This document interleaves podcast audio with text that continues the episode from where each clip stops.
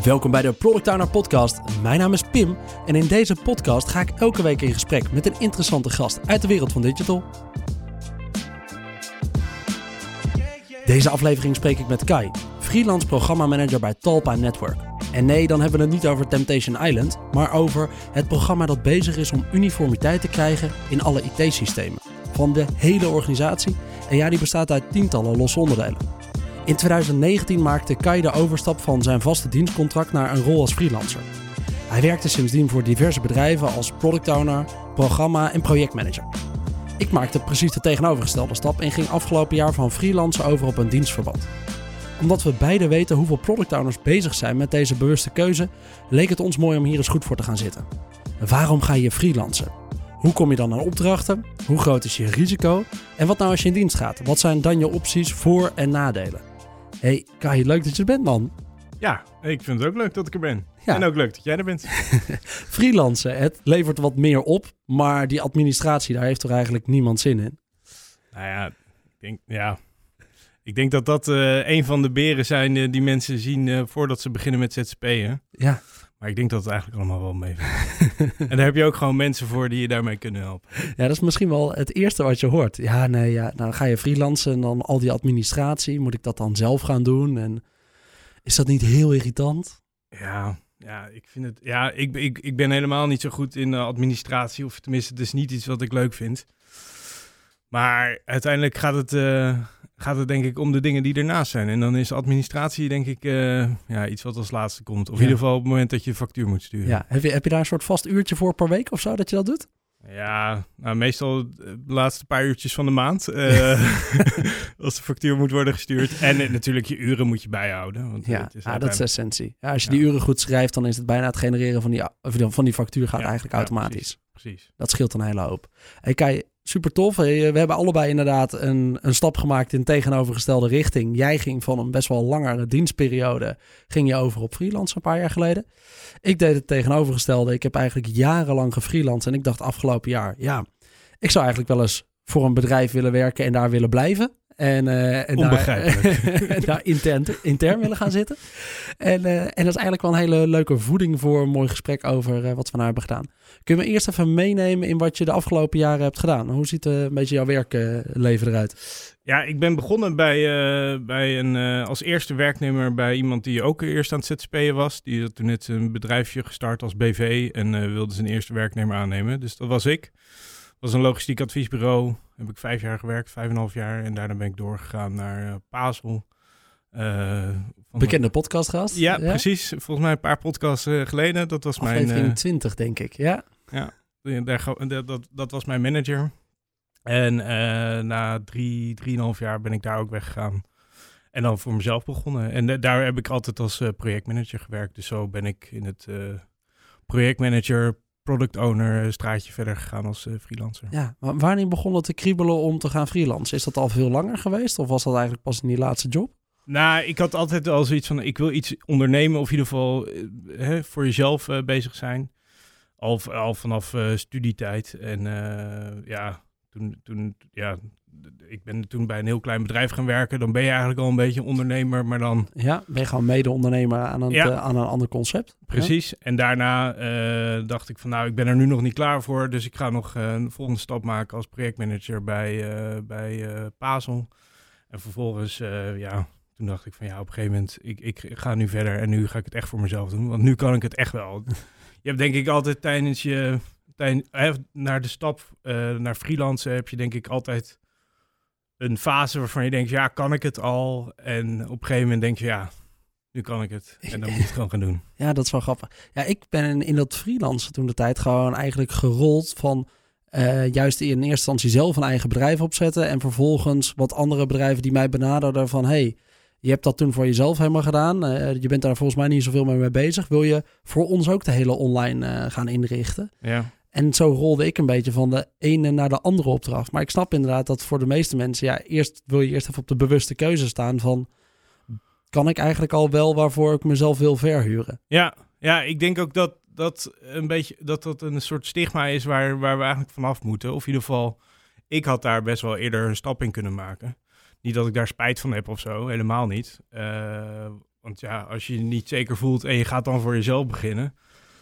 Oh. Ja, nou succes, dat gaat je niet lukken. Nee, dan krijg je jezelf niet makkelijk verkocht. Nee, nee. Dus, eh, dus, maar goed, ik denk wel dat je, dat je, ja, dat je die stap veel eerder kan maken. Want uiteindelijk moet je gewoon zorgen dat je, hè, zeker als pro- product owner of als projectmanager, Ja. dingen gewoon voor elkaar krijgt. En als dat een beetje in je bloed zit, dan lukt dat ook wel. Dan kom je er ook wel in. Ja, nee, maar ik snap het wel. Dus eh, waarom kies je in eerste instantie voor een dienstverband? Ja, omdat je... Kijk, als je als freelancer jezelf zou gaan verhuren vanaf dag één... dus je komt net uit de schoolbank en je zegt... ik ben freelancer, ik verhuur mezelf als projectmanager. Ja, dan kun je ook rekenen op een uurtarief natuurlijk van, eh, van vier tientjes. Van, eh, ja, vent, je hebt nog geen ervaring. Ja. Eh, je krijgt hetzelfde betaald als onze juniors die hier in dienst komen. Dus ja, er, er valt heel veel voor te zeggen om eerst wel een paar jaar... werkervaring bij een bedrijf op te doen. Zeker, zeker. Ben ik, ook, eh, ik denk dat dat wel goed is. Dus Als je zo uit je studiebanken komt rollen en dan zegt ze van joh, ik heb me ingeschreven bij de KVK, je kunt me inhuren. Dan zeggen ze ook, goh, we hoeven niet te gaan betalen voor jou, eh, jouw eerste carrière stappen. Ja, ja en dan, eh, dan kies je dus voor, eh, voor freelancen. Dus Ja. je besluit op een gegeven moment, eh, nou, begint het te kriebelen. Op een gegeven moment hak je de knoop door. Eh, heb je toen gewoon je contract opgezegd? Of eh, hoe heb je die stap eigenlijk gemaakt? Ja, ik, eh, nou, ik heb er heel lang over nagedacht en ook wel wat mensen. ik had nog niet zo heel veel mensen in mijn omgeving die dat deden. Maar ik heb juist die mensen opgezocht die dat al deden. En daar is mee gesproken goh, hoe doe je dat dan? En hoe kom je dan aan je klanten? En al die onzekere stappen van, lukt het me wel? Verdien ik genoeg? Ben ik, ben ik eh, goed genoeg? Eh, hoe ga ik dat doen met mijn administratie? Wat hou ik eraan over? Al Ja. die vragen die, die, die spelen dan. En eh, ja, dat helpt dan wel als mensen dan kunnen vertellen van... joh, dat is al administratie, ja, dat regel je wel. Eh, genoeg binnenkrijgen. Ja, als je gewoon goed bent in je werk en je, en je klant kan helpen... Ja. Ja. dan komt dat ook altijd wel goed. Ja, eens. Ja, net zeggen, wat, wat hoorde je toen een beetje vanuit die, vanuit die mensen waar je het aan vroeg? Dat, eh, die laatste dingen, maar verder, eh, wat, wat kreeg je te horen als je aan mensen vraagt? Hey, Ga het is het doen. eigenlijk? Ga het doen. Ja? Ja, dat is ook mijn advies naar alle mensen die, eh, die zelf voor zichzelf willen gaan beginnen. Ja. Ga het gewoon doen. En als je er eenmaal op focust, ja, dan, dan lukt het je ook wel. Ja, als ik zeg dat freelancen geen ondernemer of geen onderneming is, Ja. ben je dan getriggerd? Nee, nee, ja. Ik had ooit een werkgever die, of mijn eerste werkgever, die was dus altijd ZZP'er en die zei dat altijd van ja, als je een ZZP'er bent, dan, eh, dan, eh, ja, dan ben je eigenlijk geen eh, ondernemer. Ja, En ergens is dat ook wel zo, want je hebt, ja, je hebt geen mensen onder je, je hoeft niet een enorme visie neer te zetten voor een bedrijf. Je Ja. bent, ja, dat valt allemaal wel mee. Maar ja, je, bent, je moet natuurlijk wel gewoon je eigen opdracht, hè? je bent je eigen sales, je bent je eigen accountmanager en je bent je eigen product wat je verkoopt. Dus Ja. ja, nee, ik, voor mij is een van de dingen geweest toen ik eh, de twijfel had. Ik heb eh, nou, dus eigenlijk een jaar of eh, vier ben ik aan het freelancen geweest, drie, vier. En dat was nadat ik al wat bedrijven had opgezet. Nou, ook een bedrijf wat, wat eigenlijk geklapt is en waarvan we zeiden, dan gaan we niet mee verder. Nou, volgens mij leer je, of daar, daar durf ik van te stellen dat ik daar heel veel van heb geleerd in al mijn huidige projecten. In hoe we toen dat alles hebben opgebouwd en eigenlijk veel te weinig hebben geluisterd naar zowel klant als leverancier. ja. Gewoon dachten, nee, dit kunnen we wel. Eh, maar op een gegeven moment kwam ik dus in de twijfel. Ik was freelancer en ik deed mijn opdrachten. Maar ja, ik wilde ondernemen. En ik kon wel een beetje ondernemen met andere bedrijven van, van mijn klanten. Maar ja, ik was het niet voor mezelf. Ik heb mezelf toen eigenlijk de challenge gegeven of de keuze gegeven. Of ik ga eigenlijk in dienst of ik ga nu weer echt een bedrijf opbouwen. Want wat ik nu aan het doen ben, voelt een beetje als net niet van beide, zeg maar. ja? Dus ik wilde, eh, ik dacht, nou ja, weet je, als ik weer een bedrijf kan opbouwen en ik kan nu zeggen, oké, ik ga van Pim een concept maken waarvoor Pim werkt, eh, dan vind ik het weer leuk worden. Ja. Maar het, ik verkoop Pim, ja, dat voelde eigenlijk een beetje, ik was er op een gegeven moment wel op uitgekeken. Ja. Ja, ja, ja, ik kan me wel, het wel voorstellen. Maar ja, uiteindelijk denk ik dat, dat als de ultieme ZZP'er is gewoon ook graag mensen aan het helpen. Ja. En eh, de, eh, wat, wat denk ik anders is dan in loondienst, wat daar een verschil in zit, voor mij in ieder geval, als je als ZZP'er start, dan word je vaak hè, benaderd of, of je kent iemand in je netwerk Ja. en, en je wordt gevraagd om ze te helpen met, eh, met een probleem. Of ze hebben mensen tekort, of ze hebben een groot project waar ze niet weten hoe ze dat moeten aanpakken. En dan dan kom je meer als vraag binnen en dan ben je echt mensen aan het helpen in plaats van dat je soort eh, eh, verband hebt van ja, je moet om negen uur er zijn, je gaat eh, om vijf uur naar huis, je hebt zoveel vakantiedagen. Ja, dat is wel een beetje ouderwets toch, Kai? Hoeveel, hoeveel bedrijven zitten er nog in die structuur vast waarin ze dat zeggen? Nou, ze zeggen het niet, niet zo, maar zo is het wel, denk ik. Je voelt de druk ergens. En ja, je, je hebt denk ik een andere positie eh, als werknemer ten opzichte eh, als freelancer. Ja, ik zal jij zeggen dat ik in de afgelopen jaren dat ik heb gefreelanced, heb ik mezelf één keer twee weken vrijgegund. Ja, En verder eigenlijk altijd maar een week. Omdat ik wist, ah, mijn klant staat zo meteen weer op mijn deur te kloppen. Ja. En ja, ik vind eigenlijk niet dat ik het kan maken dat ik meer dan een week op vakantie ga. Ik ga dit jaar drie weken op vakantie. En, eh, en de enige reden waarom ik dat durf, is omdat ik dus nu gewoon in dienst ben. En ergens dus ook met het bedrijf gewoon kan afspreken. Hey, volgens mij heb ik het allemaal goed geborgd bij die klant. Ik ben er eigenlijk wel zeker van dat ze het gaan redden in die periode. En ik heb het intern allemaal goed weggezet. Ja. Ehm, maar als die klant belt, dan bellen ze in principe niet naar mij. Maar dan kunnen ze nog naar het bedrijf toe bellen. En er Ja. zit ook echt wel iemand met wat kennis die het, Ja. die het op kan pakken. Ja, dan komt het stukje vrijheid in één keer ergens anders te staan. Want vrijheid, je hebt het wel als freelancer, maar geef je het jezelf ook. Geef jij jezelf andere werktijden dan 9 tot 5? Eh, ja. ja, mijn werktijden zijn niet zo heel erg vast. Nee? Af en toe begin ik wat later, af en toe zit je ook tot avonds laat eh, te werken. Maar ik probeer ook wel echt gewoon twee maanden per jaar gewoon vrij te zijn en niet te werken. Ja? En dat lukt eh, eigenlijk de afgelopen drie jaar best wel goed, zelfs in corona-periode. Ja, dat, dat, is- nou, dat, ik denk dus dat, dat dat ergens een hele belangrijke speel is in het spelletje freelancen. Ehm, want je moet het zelf gaan bepalen. En, eh, en dat, stukje, dat stukje vrijheid. Ik merkte voor mezelf op een gegeven moment dat het voor mijn klanten het makkelijkste was als ik bereikbaar was tussen 9 en 6. En of ik dan aan het werk was of pas iets later begon of zo. Dat waren wel de tijdstippen waarop mijn klanten toen ik freelancer was, maar eigenlijk wilden kunnen bereiken. En dan kan ik wel heel stug gaan zeggen: nee, ik wil van 11 tot 8 werken. Maar eigenlijk werkte dat ook niet echt lekker met je privéleven. Want alle sportlessen begonnen ook om 7. Ja. En, en hetzelfde neemt, gaat met vrij nemen. Ja. Ja. gun je jezelf. Je moet jezelf als freelancer gunnen om vrij te nemen. Want die twee maanden dat jij vrij neemt, komt er gewoon geen rode stervig Ja. eh, meer je bankrekening opgeschoven. Ja, dat klopt. Ja, goed, het, het- meestal was het niet zo dat ik dan twee maanden, of eh, nou niet één keer, dat ik echt twee maanden achter elkaar vrij Ja. was. Maar ja, je kunt toch wel iets doen tussen, tussen projecten in, of, hè, of tussen opdrachten in, of je kunt het echt wel organiseren met je opdrachtgever. Want ja, in de zomer dan is toch iedereen op vakantie. Ja, dan gebeurt er niet zoveel. Dan kun je Ja. prima op, eh, op vakantie. Dus dat geldt, eh, dat geldt ook voor jou. En tussen, tussen opdrachten in kun je natuurlijk ook wel wat, eh, wat eh, heb je ook wel wat speling. Ja, maar ja, dat is dus wel wat dan het spannende is, wat ik nog ervaarde. Ik, ik ben, ik denk dat de meeste product owners, ook de mensen die dit luisteren, zijn allemaal wel een beetje regelneven en we hebben onze shit altijd wel op orde. Ja. Dus ik zorgde altijd dat op mijn rekening, mijn zakelijke rekening, eigenlijk altijd drie maand salarissen klaar stonden om mezelf uit te betalen. Want als ik dan drie maanden geen werk zou hebben, zou ik mezelf nog steeds elke maand een goed basissalaris kunnen uitkeren. Ja. Doe je dat ook? Ja, zeker. Ik maak gewoon op de, volgens mij op de 24ste eh, maak, is het gewoon automatische overschrijving. Dus ik krijg gewoon salaris Ik krijg gewoon van mezelf. Kai, geeft Kai salaris. Ja. Eh, goed, eh, Ja. en dat is ook niet heel veel meer dan dat ik toen de tijd verdiende. Ja. Dus ook niet dat ik als een soort. Dus dan hou je het voor jezelf ook behapbaar en dan blijf je ook lekker erbij sparen. Dus ja, en dat zijn inderdaad denk ik ook net zoals een de, de, de vrijheid en de, de, het claimen van je vakantie en dit Ja. soort dingetjes. Dat moet je wel voor jezelf regelen, denk ik. Ja. Om het gewoon eh, ja, een steady inkomen te hebben. Ook aan je vakantie denkt. Ook ja, toch een beetje leeft naar de, naar de vaste baan. eh. Ja, Ja. ja. dus, dus dat is het. Dus ik vind dat het, het, het droombeeld wat je in eerste instantie hebt, als je denk ik in eh, met name misschien wel in de corporate wereld zit en je werkt volgens vrij vaste dienststandaarden en zo. Ja, dan denk je met freelance, oh, alle vrijheid en al het geld. Maar het, het vraagt wel inderdaad dat je en voor jezelf gaat bedenken wanneer wil ik werken. Misschien is dat wel gewoon van 9 tot 5. Want ja, achteraf, of voor mij blijkt nu eigenlijk dat dat dat wel heel makkelijk maakt eigenlijk je leven als je weet wanneer je wil werken.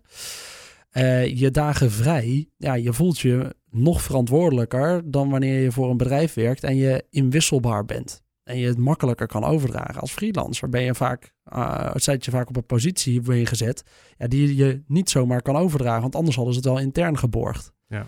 Uh, dus het is wel een, wel een spelletje. hetzelfde met salaris uitkeren. Inderdaad, zoals jij doet, is misschien wel de enige juiste manier. Zorgen dat je gewoon voldoende geld binnenkrijgt op je zakelijke rekening. En dat per periode uh, eigenlijk als een soort salaris aan jezelf uitkeert. Ja. Want je moet toch bedenken dat van elke factuur van, uh, zeg, er wordt er weer even 6000 euro gefactureerd. Ah, daar gaat 3000 euro van, is inclusief, dat is de BTW die je ergens moet afdragen. En dat is vervolgens je inkomstenbelasting die je ergens moet gaan afdragen. Ja, ja. Ja. Ah, die, ik ken genoeg freelancers die daar in eerste instantie minder goed rekening mee hebben gehouden dan dat ze dachten. Ik dacht, oh, maar dit is 6000 euro. Deze is van mij. Ja, ja. Maar ja, ja, dan denk ik, goh, dan heb je van tevoren niet goed uh, nagedacht, denk ik. Maar ik denk ook, eh, dat, dat is denk ik ook wel een voordeel van, uh, van het ZZP. Je, je uurtarief is natuurlijk wel wat hoger, waardoor je ook maandelijks wat meer binnenkrijgt. Ja. En uh, daar kun je, als je gewoon 36, 40 uur werkt, ja, dan, dan dan krijg je echt wel meer, verdien je meer dan je kunt opmaken. Zeker in de branche waarin wij zitten. Ja, nee, eens. Ja, het, volgens mij uh, is net het, net het nieuwe Product Owner onderzoek is weer uit. Uh, uit mijn hoofd is het uh, gemiddelde uurtarief van een freelancer van 88 euro afgelopen jaar naar 94, 95 euro dit jaar toegegaan. Voor freelance product Ja. owners. Ja, dat is natuurlijk, als je inderdaad even het sommetje maakt. eh, ik werk eh, nou, 36 uur per week eh, tegen, tegen 95 euro per uur. En ik doe dat een maand lang. Ja, dan praat je wel over hele serieuze facturen. Ja, even, even snel. Ja. dat is al gauw 15.000 euro wat je per maand kan verdienen. Ja. Versus, nou, ik, ik weet niet, volgens mij was er ook een eh, tarief voor... Gemiddeld salaris op dit moment? Ja, Een gemiddeld salaris op dit moment van product owner is tussen de 5000 en de 5500 euro. ja. Ja. Er zit een aardig verschil tussen. Ja, mega. En er moet inderdaad nog wel een stuk belasting af. Daar wil je pensioen nog voor afdragen, et cetera. Maar Ja.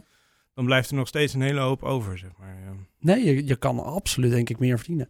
Maar hoe vind je als eh, freelancer die opdrachten die dat soort dingen ook betalen en die je dat ook stabiel blijven betalen? Eh, ja, dat is gewoon een, eh, een netwerk om je heen creëren. Gewoon mensen die, die ja, ik zeg altijd tegen mensen die ik ook een beetje support om eh, voor zichzelf te beginnen, van zorg dat je een lijst hebt met, met nou, zeg max 10, eh 10 mensen. Eh, of, of 10 of 20, maakt, maakt in principe niet uit. Maar mensen die echt voor jou het hand in de vuur steken. En, en voor- eh, als zij iemand horen van, goh, ik zoek een projectmanager, product owner, whatever. Ja. Dan moet je Pietje hebben. Ja, dan, dat werkt gewoon. En dat, dat eh, ja, daar moet je gewoon, daar heb je altijd wel een aantal mensen van in je, in je omgeving, in je netwerk, die, die dat voor je kunnen betekenen. Had jij, eerst, eh, had jij je eerste freelance opdracht geregeld voordat je je contract opzegde? Of heb je eerst een contract opgezegd en ben je vervolgens gaan zoeken? Nou, ik zat daar heel lang over te twijfelen, want dat is echt zo'n moment van ja, dan heb Ja. ik straks geen inkomen en hoe ga ik dat dan betalen? En ik heb maar zoveel maanden eh, reservegeld, dus ja, hoe ga ik dat doen? En op een gegeven moment, t- toen zeiden ook andere mensen om me heen, eh, die zeiden van joh, eh, zeg nou gewoon op, dan ga je dat, dan wordt de motivatie ook een De stuk groter. urgentie is een stuk hoger. Zeker. En, maar goed, ik kon, nou ja, de- de- de- ja, ik heb gewoon opgezegd en toen had ik eigenlijk nog niks. Maar goed, toen zei mijn oude werkgever van, goh, we kunnen je niet zomaar kwijt, dus kun je alsjeblieft nog een paar uurtjes bij ons maken? Nou, dat vond ik hartstikke leuk om te doen. Heb je ook direct ja, wat tractie en dat Ja. geeft eh, echt heel veel, eh, ja, heel veel ruimte. En En toen had en ik wat eigenlijk- zelfvertrouwen inderdaad om eh, gewoon aan de gang te gaan en wat een stabiele eerste basis Ja. om op te gaan bouwen. En daarna was het eigenlijk binnen een paar weken had ik een opdracht. Dus zo snel kan het gaan. En zeker als je erop focust, dan, dan ga je het vinden. Dat, daar ben ik van overtuigd. En zie je jezelf over tien jaar nog freelancen? Goeie vraag. Ehm, ja, ik denk het wel. Ja, ja of ik heb iets eh, opgezet eh, met, eh, met wat mensen om me heen. In een andere, andere hoek. Of, of iets, met, ja, iets met projectmanagement of advies. Of, Ja. of iets anders ernaast. Ja. Ja, want, ja, precies, dit is die trigger die ik bedoel. Ik had voor mezelf namelijk op een gegeven moment het gevoel... ik blijf dit geen tien jaar doen. Ik, ik ga niet in deze positie waar ik nu in zit... waarin ik zo freelancer ben... en overal een beetje zo die projecten kom ophalen... en dat dan weer verder duw en daarna weer wegga. Ja, je wil toch iets opbouwen of zo. En uh, ja, Dan, dan, ben je altijd op zoek naar hoe kan ik er een bedrijfje van maken. Nou ja, ik denk dat dat, ik, ja, dat, dat denk ik wel. Dat je meer, nog meer ondernemer wordt. Hè? Uh, dat je wat, misschien wat meer van ZZP'er afgaat, uurtje factuurtje. Dat dat uh, principe, dat je dat misschien een keer wil, wil loslaten. Maar ik denk wel dat daar wel hè, op het moment dat je voor jezelf eh, begint, dan heb je wat, dan verdien je ook wat meer, dan heb je wat meer vermogen, dan heb je wat meer ruimte om na te denken en gesprekken aan te gaan met mensen uh, die je anders in loondiensten niet zo snel zou aangaan. Uh. Ah, dat geloof ik wel. Ja. Dus hè, als je in dienst bent, ja, dan, ga, dan ga je niet zo snel met een ander bedrijf praten waar je misschien mede-aandeelhouder wordt of uh, vernoot wordt of iets dergelijks. Ja. Ja, ik, in, in mijn keuze die ik vorig jaar had, ik heb mezelf toen op een gegeven moment uh, maar eens een keertje, volgens mij was dat rond mei, heb ik mezelf eens een keertje in de keuze gezet. Joh, je bent nu een paar jaar aan het freelancen, je hebt wat eigen bedrijfjes gehad. Het is tijd voor de volgende stap, want het voelt alsof je nu te veel stilstaat. Ja. Want ja, je was wel bezig met je opdracht, maar het voelde alsof ik een beetje stil stond. Toen heb ik eigenlijk met mezelf afgesproken of ik ga inderdaad een bedrijfje opzetten. Het moet weer iets worden. Ik ga een, een merk neerzetten en we gaan daar iets mee leveren, doen of je gaat in dienst. En uiteindelijk ben ik erop uitgekomen dat ik in dienst wilde gaan. Dat was eigenlijk met twee overwegingen. Ik miste als freelancer een beetje echte collega's. Dus zeker tijdens de coronatijd zat ik altijd thuis achter mijn bureau, achter mijn laptop te werken. Ja. En drie keer per week reed ik eventjes langs een klant om daar eventjes uh, hooi te zeggen, wat dingen te regelen en eventjes fysiek aanwezig te zijn.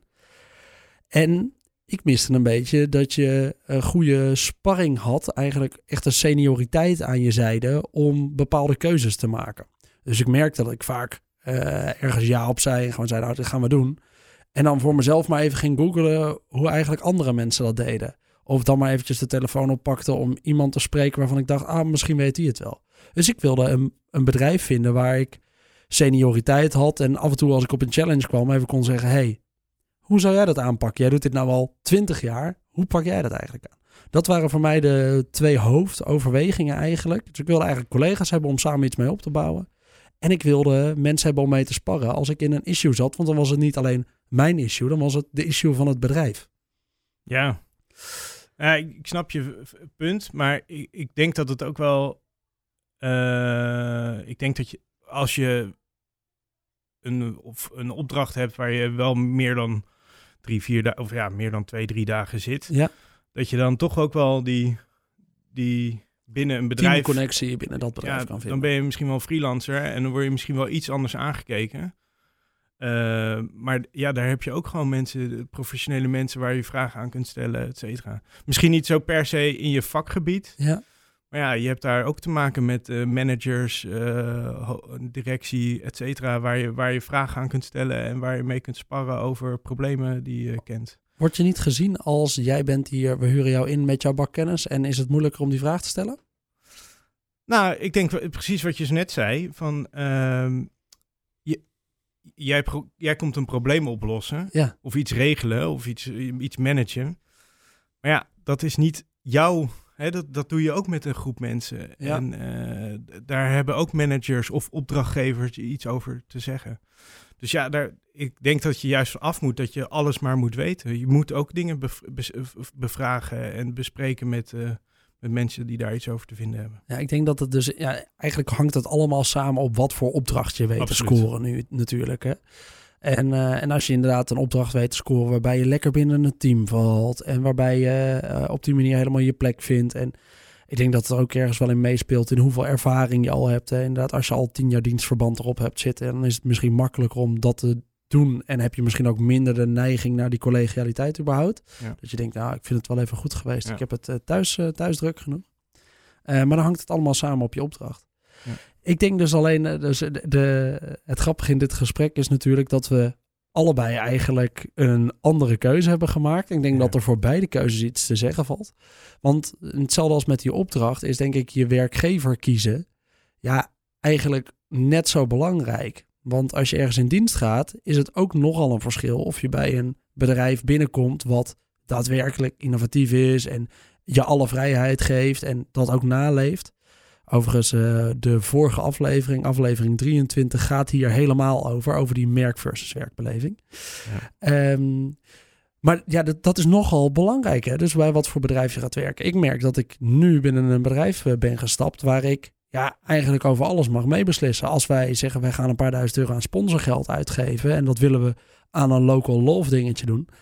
Ja, jongens, stem maar gewoon met z'n allen wat we gaan doen. Ja. En als ik intern zeg, ik wil een vette podcast gaan neerzetten, want ik denk dat dat leuk is voor het bedrijf en voor onze klanten en voor de mensen, voor de product owners in Nederland. Ja, ga maar doen. Ja. Dus dat, maar dat is nogal een verschil. Of dat je binnen een, eh, een, een grotere corporate zit, waar je altijd alleen maar bezig bent met je IT-legacy bijwerken en alles drie maanden duurt voordat je ook maar weer een stap hebt kunnen zetten. Ja. Ja, daar zit wel. eh, Ik denk dat eh, aan beide kanten, of je nou freelance of in dienst bent, uiteindelijk is je opdracht of werkgever het belangrijkste in die balans. Ja, ja, ja, klopt. Ik, maar ik denk wel dat, dat als freelancer kom je misschien, ondanks dat je denk ik ook nog heel veel kan leren als freelancer, dat je meer iets komt brengen en een vraag komt oplossen. Ja, En dat je in dienstverband ook iets komt oplossen natuurlijk, want anders had je geen werk. Maar Ja. eh, dat je dan ook wat meer zoekend bent naar hoe kan ik beter worden of hoe kan ik daar zelf wat meer uithalen. Ja. Nou, het ligt ook weer nogal aan de job. Want in dit geval, in dit ja. geval ben, werk ik als interim product owner. Dus kom ik eigenlijk precies op dezelfde taak Ja, binnen als ja. waar jij als freelancer binnen zou komen. Ja. Terwijl inderdaad, als je een functie hebt waarbij de klant intern in het bedrijf eigenlijk zit. Dus je levert een dienst voor iemand anders binnen het bedrijf. Dan zal het anders zijn, die positie. Ja, dat denk ik wel. Ja. ja. Maar ja, ja, ik, denk, ik denk dat daar eh, wel nog een laag tussen zit dat je meer, ja, hoe zeg je dat nou goed? Dat je meer eh, een, als freelancer, als intrimmer, net zoals Ja. jij dat eigenlijk doet bij product owners, eh, dat je Dan zit je eigenlijk een soort tussenrol tussen de freelancer en het vaste ja, dienstverband. ja, eigenlijk wel. En, en dat is denk ik bij productowners.nl heel erg goed gelukt. Even wat Ja. reclame. nee, ja, zo bedoelen we natuurlijk eh, helemaal niet. Want eh, dat is het laatste wat ik wil halen uit deze podcast. Maar ik vind het wel leuk om even de, de open discussie hier natuurlijk te voeren. Want ja, ik weet gewoon eh, met de product owners die ik, eh, die ik spreek... dat het voor veel mensen een keuze is waar ze op staan. En beide kanten op een moeilijk is. Dus van, eh, van freelance naar ergens weer intern duiken... om daar bijvoorbeeld iets op te gaan zetten met een bedrijf. Ja, is ook een goede optie, maar dat is wel een spannende keuze. Want ja, maar welke vrijheid laat ik dan los? Ja, ik had het gevoel dat toen ik ging, van freelance naar in dienst ging, ja, ik had mijn vrijheid al wel opgegeven. Ik Ja. dacht, eh, dit- dit gaat hem niet meer worden. Ik ga elke dag eh, mezelf moeten melden en ik word zo meteen gemicromanaged. En als ik een bonnetje indien, dan krijg ik nog eventjes een navraag of dat dat wel oké is. Ja. En ja, achteraf viel dat ook heel erg mee. En de andere kant op is inderdaad, als je nu in dienst bent en je gaat freelancen, dan zit je waarschijnlijk met de twijfel, oh, kom ik wel aan een opdracht? Hoe zit die administratie dan? Eh, hoe gaat dat zich uitwerken? Kan ik er nog wel sparen? Ja, ook dat gaat zichzelf wel uitvinden, want het valt uiteindelijk wel mee. Ja. Maar ja, het vraagt wel als freelancer, ja, je moet wel alle kanten oplossen. Dus inderdaad, je moet zelf wel je opdracht echt gaan fixen. Er is niet de shortste sales manager die je kan bellen van, eh, wat gaan we deze periode doen? Nee, nee, dat klopt. Maar ja, ik denk dat. En en dat, geldt echt niet voor iedereen. En echt niet. En misschien ook wel niet voor de mensen waarvoor, waarvoor jullie deze podcast maken. Ja. Eh, maar ik denk wel dat op het moment dat jij je eigen naam op de voordeur hebt staan. en daar binnenkomt als. Nou, ik kom je probleem oplossen. of ik help je met dit eh, issue.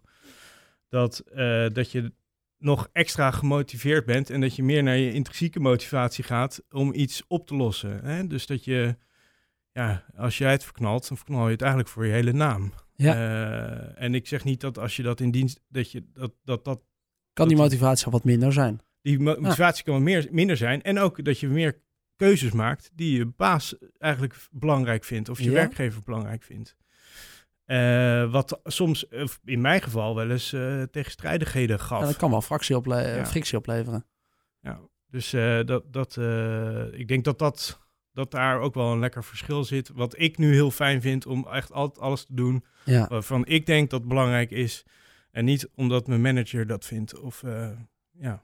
dat hij er zo naar kijkt. Ja, Ja, eens? Oké, tof. Grote lessen van eh Kai die de stap heeft gemaakt van eh, in dienst naar, eh, naar freelance. ja. Wat, wat, wat moet je vooral niet doen? Wat, wat, wat, is de, wat heb jij als fout gemaakt in deze stap waarvan je denkt, ah, dat had ik achteraf even moeten fixen? Te lang wachten. Of tenminste, niet, dat- het is nooit te laat. Maar, Ja, maar ik ga, ga het gewoon doen. Echt beginnen. En denk ook gewoon, joh, als het niet lukt, dan ga ik daarna wel weer een vaste dienst. Eh, of, of als het toch niet helemaal bevalt. het is geen keuze voor het leven. Het is absoluut geen keuze voor het leven. Ga, en ga het gewoon proberen en ga het doen. En eh, kijk wat het je oplevert. Is dat niet wat je wil, ga je gewoon weer terug in, in loondienst. Want ja, volgens mij zijn we allebei eh, gelukkig, hè? Dus eh, wat ja, dat precies. betreft- Ja, nee, we ben- zijn allebei gelukkig met ons werk. En ik denk inderdaad dat dat wel een goede strekking is. En dat was namelijk ook mijn strekking inderdaad toen ik in dienst ging. Ja. dat voelde echt, joh. Ik weet dat ik hier echt lang over heb getwijfeld. En inderdaad op een gegeven moment ook wel terugkreeg van iemand. Ja, eh, Pim, als je nu in dienst gaat hè, en je doet dat een jaar... dan kun je daarna ook gewoon weer stoppen, hè? ja. Dan kun je daarna ook gewoon weer gaan freelancen en zou je het weer op kunnen pakken. Het is geen keuze voor het leven die je maakt. En, en hetzelfde is de andere kant op. Als je nu eh, binnen zit eh, ergens bij een bedrijf en je denkt, ja, ik stoor me gewoon aan hoe dit en dit allemaal gaat. Ja. En je gaat freelancen. Ja, dat betekent niet dat je niet alsnog volgend jaar met weer extra ervaring eh, alsnog ergens kan gaan Ja. werken.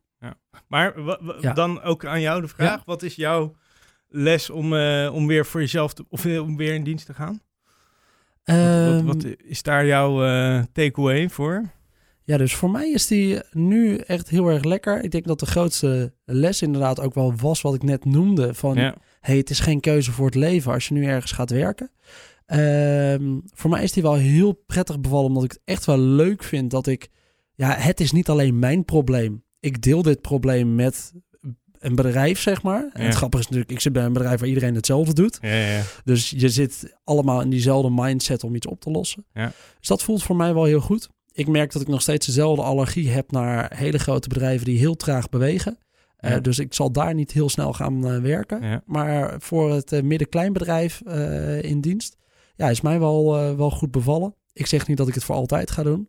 Maar voor nu eh, was, dat wel een, eh, was dat wel een goeie. Ja. En is inderdaad de les ergens. Ja, ik had achteraf niet zo bang hoeven zijn dat ik al mijn vrijheid zou verliezen. Ja, Want dat is echt wat ik denk ik heb gezegd. Ja, dan moet je elke dag daar zeker melden. En eh, ja, er zijn voldoende bedrijven die nu zeggen... joh, werk thuis wanneer je wil, werk op kantoor wanneer je wil. En ja, als jij het anders wil aanpakken, dan doe je het op jouw manier. En ja, je vakantiedagen regel je ook maar zelf. Ja. Ja. Dus eh, ja, de, ik, ik denk dat hij, hij... Hij kan beide kanten op. Ik, denk dat, ik denk Ja. dat onze les beide kanten op kan. Hey Kai, super tof om hier vandaag even het gesprek over te hebben gehad. Ik denk voor heel veel product owners, eh, maar ook voor projectmanagers, programmamanagers, een hele relevante vraag die ze zichzelf eh, vast eh, vaak stellen. Ik hoop dat we alle luisteraars daar dus ook even in hebben mee kunnen nemen in hoe wij daar nu naar kijken. En nou, wat ook wel onze lessen zijn geweest in die periode. Aan beide kanten maak je eigenlijk geen verkeerde keuze. Het enige wat je slecht zou kunnen doen is heel lang blijven hangen op één plek, omdat je bang bent dat als je wisselt het verkeerd gaat. Ik denk dat dat het allerbelangrijkste is. En Ja. maakt het eigenlijk niet zoveel uit wat je daarmee doet. Nee, ja, ik zou je dus inderdaad willen vragen, maar die hebben we nu eigenlijk bijna samen gegeven. Wat is de grootste les die jij 18-jarige Kai zou geven? Of Kai die net uit de schoolbanken komt? Nou ja, dat, ik denk dat ik dan toch een beetje terug eh, pakken naar wat we het zo net over hadden. Van eh, ga het gewoon doen. Hè? Ga gewoon, maak gewoon een stap. Als je, hè, Ja. Ik heb altijd al een beetje in die ondernemershoek eh, willen zitten. Ja. Maak die stap, begin gewoon en eh, ga niet te lang zitten wachten eh, van goh, ik kan het misschien nog niet of het- nu is niet de juiste tijd.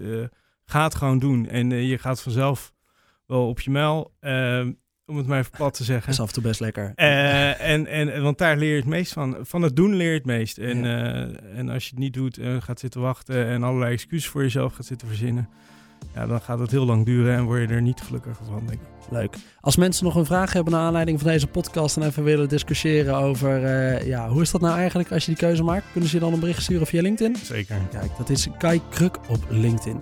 Hey, dan bedank ik iedereen weer voor het luisteren naar deze aflevering van de Product Owner Podcast. Zoek je nou de rest van de afleveringen, dan vind je die waarschijnlijk op je favoriete podcastplatform of op productowner.nl slash podcast. Ik wil ook nog even een bedankje uitspreken naar de Hub Studio van de Breda University, die we vandaag weer hebben kunnen gebruiken voor de opname. Heb je nog vragen aan mij naar aanleiding van deze aflevering? Stuur me dan vooral een berichtje op LinkedIn, dat is Pimpot, of op pim.productowner.nl. En dan hoop ik dat je de volgende keer weer luistert. Tot dan!